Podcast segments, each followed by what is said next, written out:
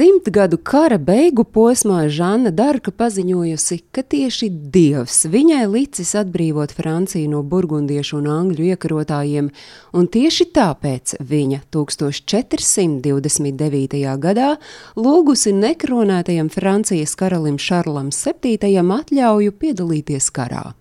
Kad viņa saņēmusi karaļa atbalstu, devusies uz aplenkto Orleānu, kur viņai izdevies deviņu dienu laikā izbeigt aplenkumu.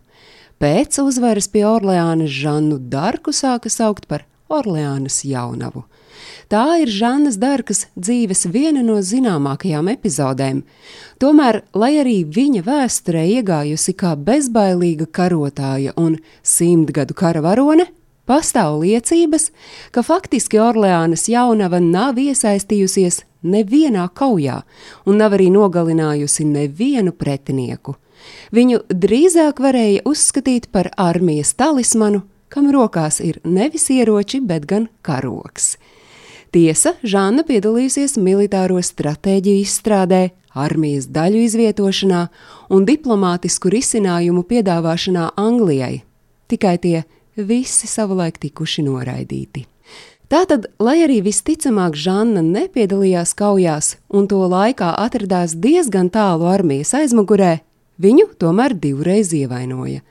Slavenajā Orleānas kaujā viņa saņēma šāvienu plecā, bet neveiksmīgajā mēģinājumā atbrīvot Parīzi viņu ar arbaleta bultu ievainoja stilbā. Vai tas nozīmē, ka apgalvojums, ka tieši Žanna Darka 1429. gada 7. maijā palīdzējusi pabeigt Orleānas aplenkumu, izvelkot bultu sev no pleca un atgriežoties, lai vadītu pēdējo uzbrukumu, varētu nebūt patiesība?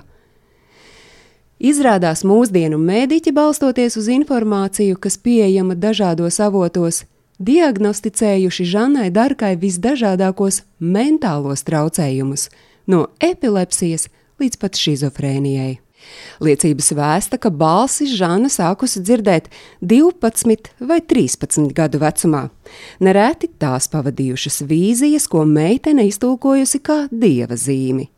Sākotnēji eņģeļi viņai likuši tikai apmeklēt baznīcu un dzīvot likumīgi, bet ar laiku balsis kļuvušas uzstājīgākas, dodot pusaudzē instrukcijas, kā tieši atbrīvot Franciju no iebrukušajiem angļiem un celt tronī Šarlu VII, nekronēto Francijas karali.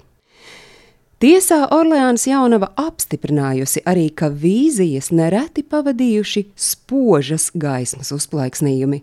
Savukārt balsis bijušas skaidrāk sadzirdamas, kad skanējuši zvani – Balstoties šajā informācijā, eksperti minējuši vairākas garīgas slimības, no kurām Žanna iespējams cietusi.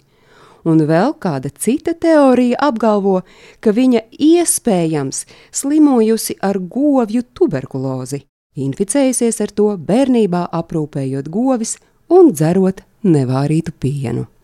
Stāstījumu sagatavoja Agnese Drunka.